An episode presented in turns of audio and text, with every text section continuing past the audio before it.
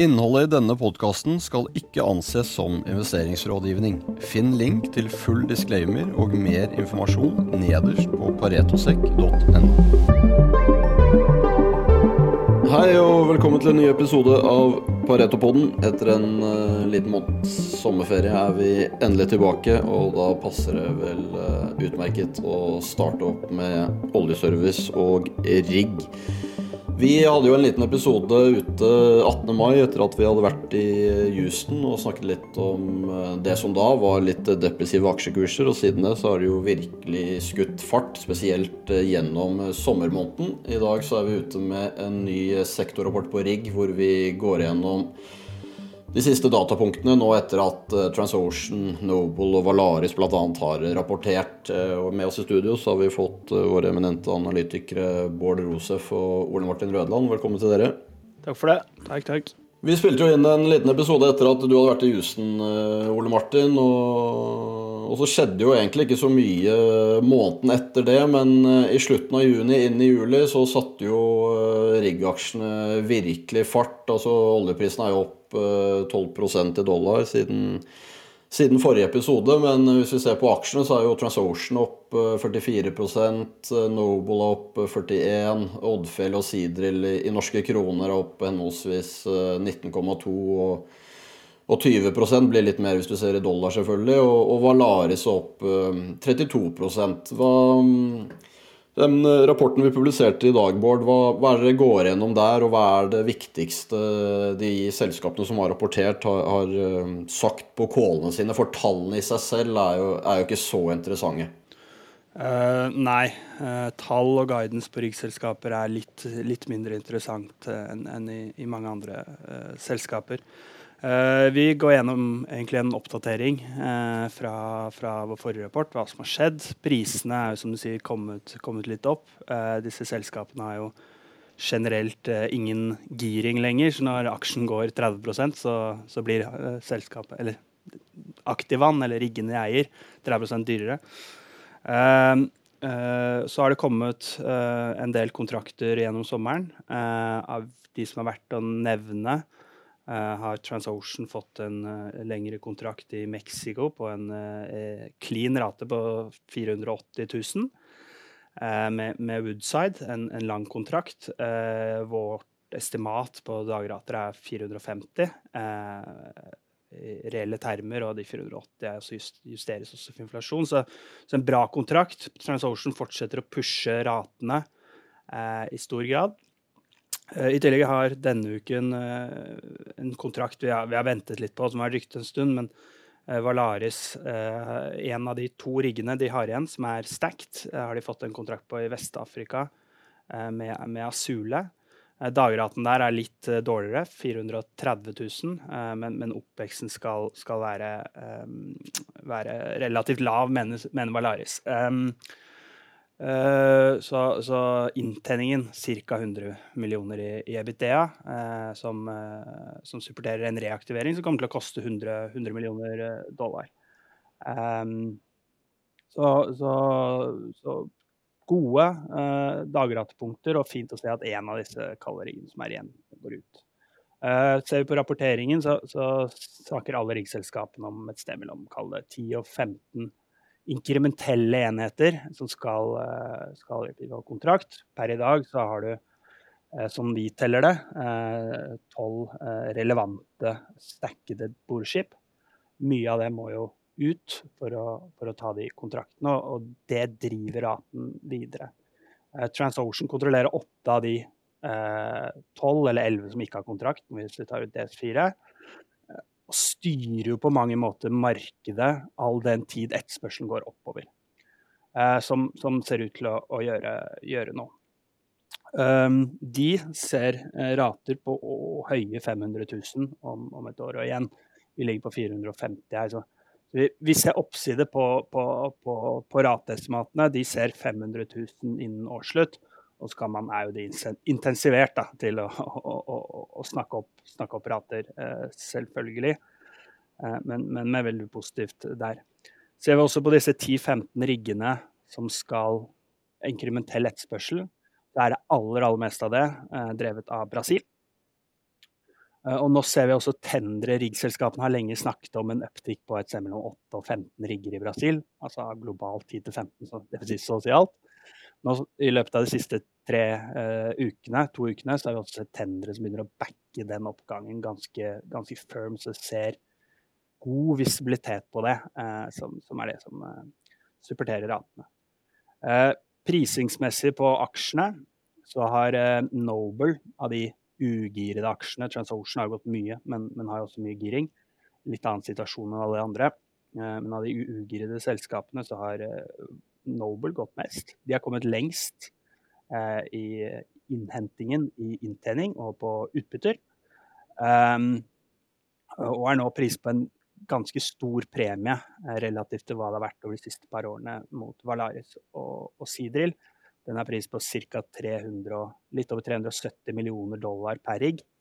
Eh, Valaris og Seadrill per 7G drillskip. Valaris og Seadrill er nå på 270-280. Det er en signifikant forskjell. Um, en viss forskjell er greit, uh, men, men, nå er det såpass signifikant at vi liker uh, Valaris og Seadrill uh, bedre etter siste kursbevegelser. 270-280 millioner igjen mot en inntjening på nye kontrakter på 100 millioner. Uh, og, og, det er justert for alle reaktiveringskostnader og eksisterende backlog på dårlige rater og alle de greiene der. Uh, så, så, er det klart uh, de, er, de, er, attraktivt priset mot inntjening fortsatt, fortsatt under 50% av replacement value på, på, de to selskapene i hvert fall. Sånn, sånn, vi ser det, så selv om aksjene har gått, så, så, så forblir de attraktive, og spesielt med det dagratemomentumet eh, du, du, du, fortsatt, eh, fortsatt eh, har.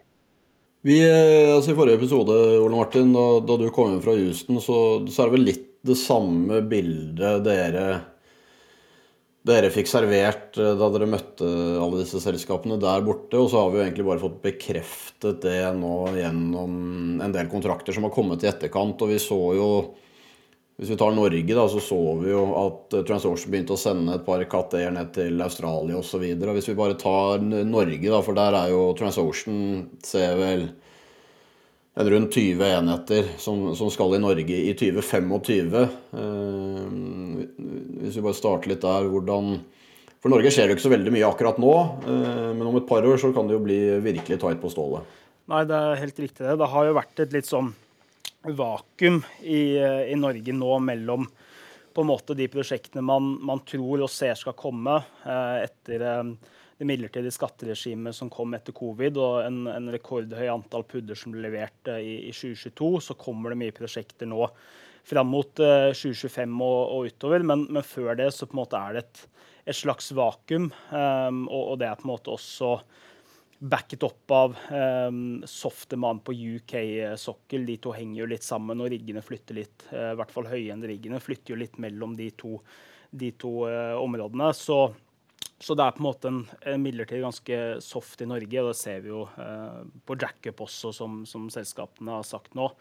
I forbindelse med, med, med Q2. Um, og på en måte Valaris og, og Noble har dårlig utnyttelse på, på, på Nordsjø-jackupene sine. Um, men på, på flytersiden, så, som er det som er mest relevant uh, for, for TransOcean, uh, som de ser etterspørsel på sju rigger, um, så, så, har de ganske god visibilitet på, på, det de har i samtale med, med Equinor, Aker BP, uh, vår, som er de største, og, og de tenderne som de de har sendt ut. Eh, men, men inntil den tid og de prosjektene kommer, så, så, så ser TransOcean at det internasjonale markedet er såpass sterkt. Eh, og de har som environment flyteriggene har dypvannskapasitet, så de kan basically jobbe over, over hele verden. Og da, da, sier de at OK, men da, da sender vi de riggene ut. Eh, og så må de norske oljeselskapene betale opp for å få de tilbake igjen. og da må du typisk ha både betalt flytting fra da Nå eh, sendte de to katter til Australia, tilbake til Norge, som koster en 5-10 millioner dollar eh. Ja. Kanskje enda mer. Ja, eh, pluss, du må, pluss du må ha en premie på, på dagratene. Og de har jo eh, fått en opsjon nå eh, på den siste katt 1 der nede, som er på på over 500 000 dollar dagen. Nå er det ikke gitt at det er en relevant rate, for den er en opsjon, men, men det gir på en måte et bilde av hva oljeselskapene og, og, hva TransOcean klarer å få inn i kontraktene eh, for at en, et oljeselskap skal sikre seg disse riggene. I tillegg til alle disse som er øh... Altså de litt, de litt, større drillerne, så er det jo en del andre selskaper som En, er jo DVD, som fikk kontrakt med Saipem på den riggen sin før sommeren. Og så har vi jo dette Eldorado Drilling, og så var det en artikkel i Upstream i går om at det er noen ryktes å være noen norske investorer som lurer på denne Vestraco som ligger på verft. Hva, hva er status på, på, en del av disse riggene som ligger på verft? Valari snakket jo også om, om et par drillskip der, Bård. Ja. Uh, nei, altså det, det, blir jo stadig, stadig, færre av dem. Det var jo en hel del boreskip som skulle vært levert et sted mellom 2014 og 15 og 16 eh, som riggselskapene aldri ble levert av, og, og verftene ble stuck med. Og, og, og, de har vært et overheng i markedet en stund. Uh, nå har jo en del blitt plukket opp. Sånn, sånn, vi ser det, så er det tre igjen som, eh, som, ikke har noen eier. Da har du den Draco som det var rykter om. Eh, der sies det og, de samme investorene som står bak DVD og Eldorado Drilling, Uh, muligens har uh, en avtale der. Det er fair å anta at uh, en eventuell avtale, hvis de har det, er, er, noen måneder gammel. Og riggaksjen har gått mye i mellomtiden, så det kan jo være in the money. vi forventer en pris på 250-300 millioner, litt opp fra siste, siste, kjøp. Så har du to til.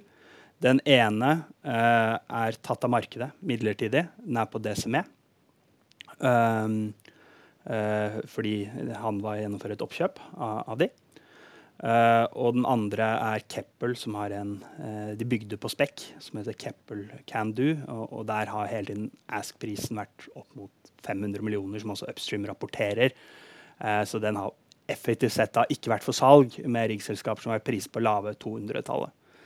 Um, så, så, med aksjekurs som også kommer opp nå, som reflekterer høyere, høyere inntjening, så, så tror vi en del av disse kommer til å å, å bli tatt. Uh, Eldorado Drilling har jo også en sånn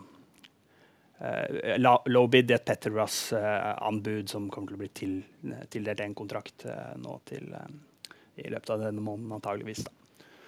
Um, og, ja, det er gode muligheter eh, for, for, for, alle disse assetsene med, med flere langsiktige kontrakter ute i, ute i markedet.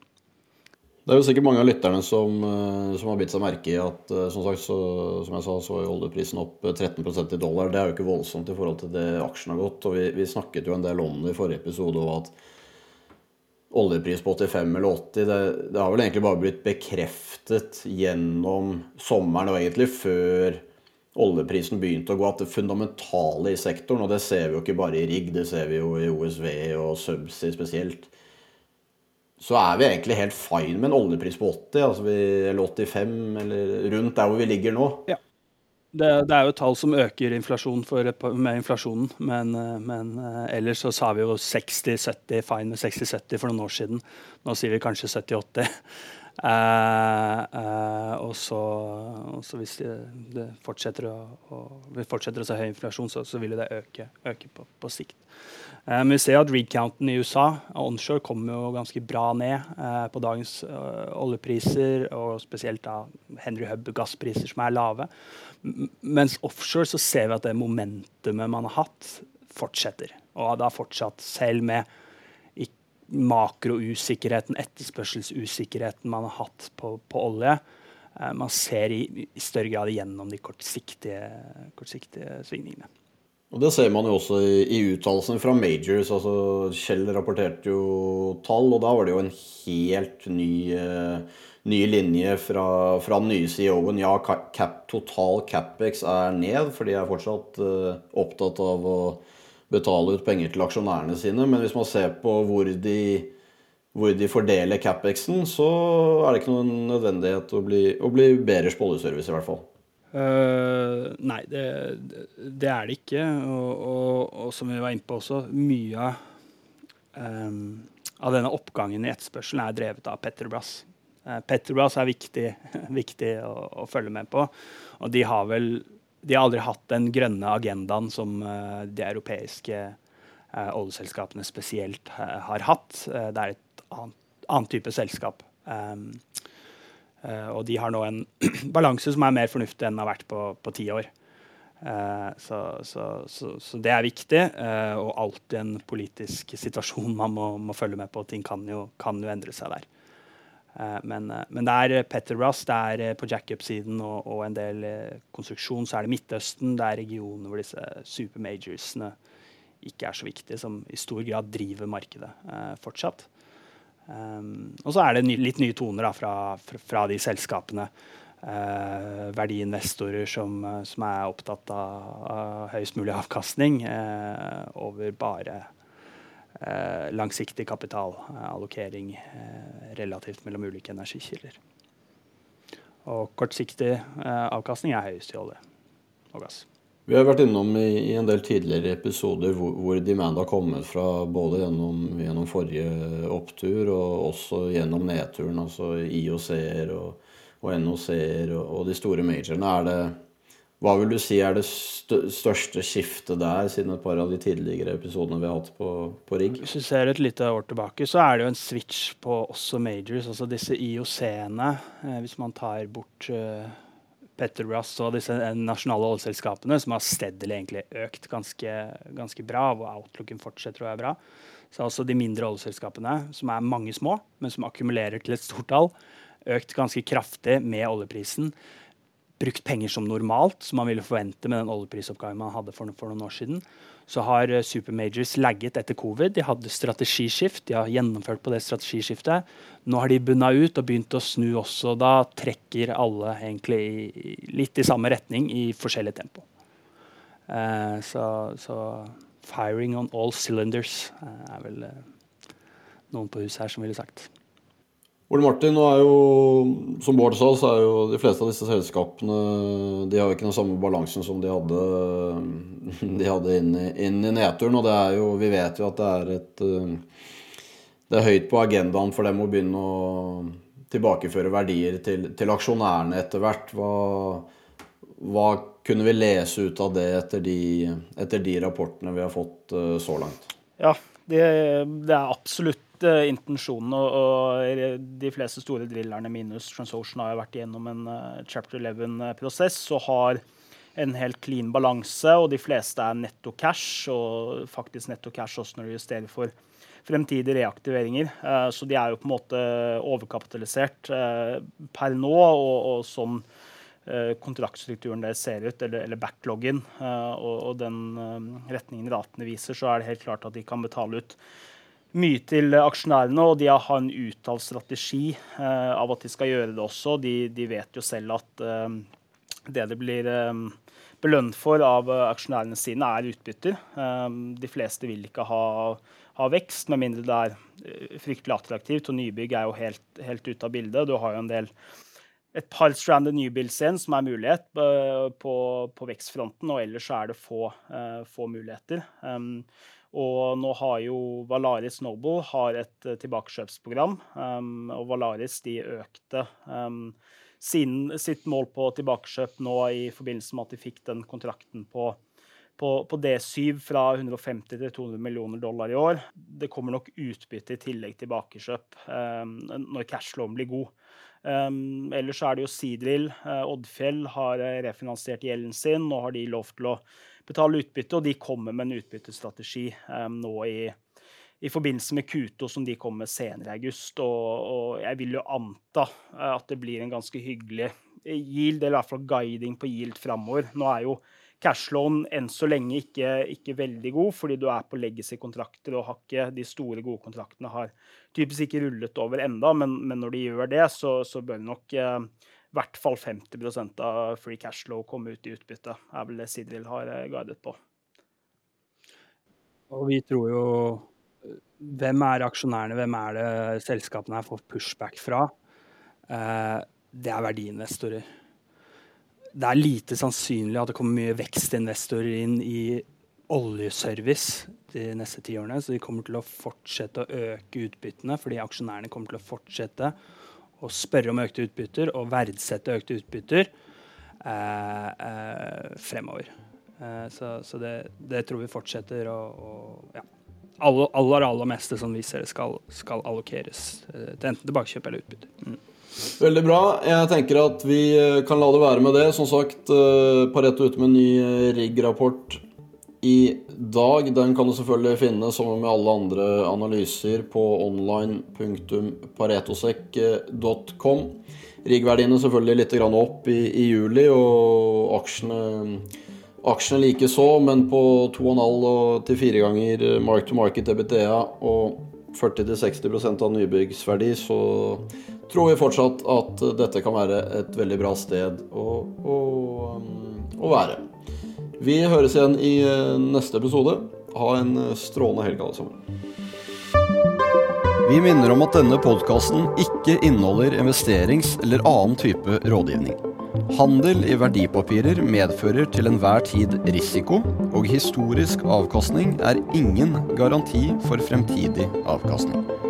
Pareto Securities er verken rettslig eller økonomisk ansvarlig for direkte eller indirekte tap, eller andre kostnader som måtte påløpe ved bruk av informasjon omtalt i denne podkasten. Finn link til full disclaimer og mer informasjon nederst på paretosek.no.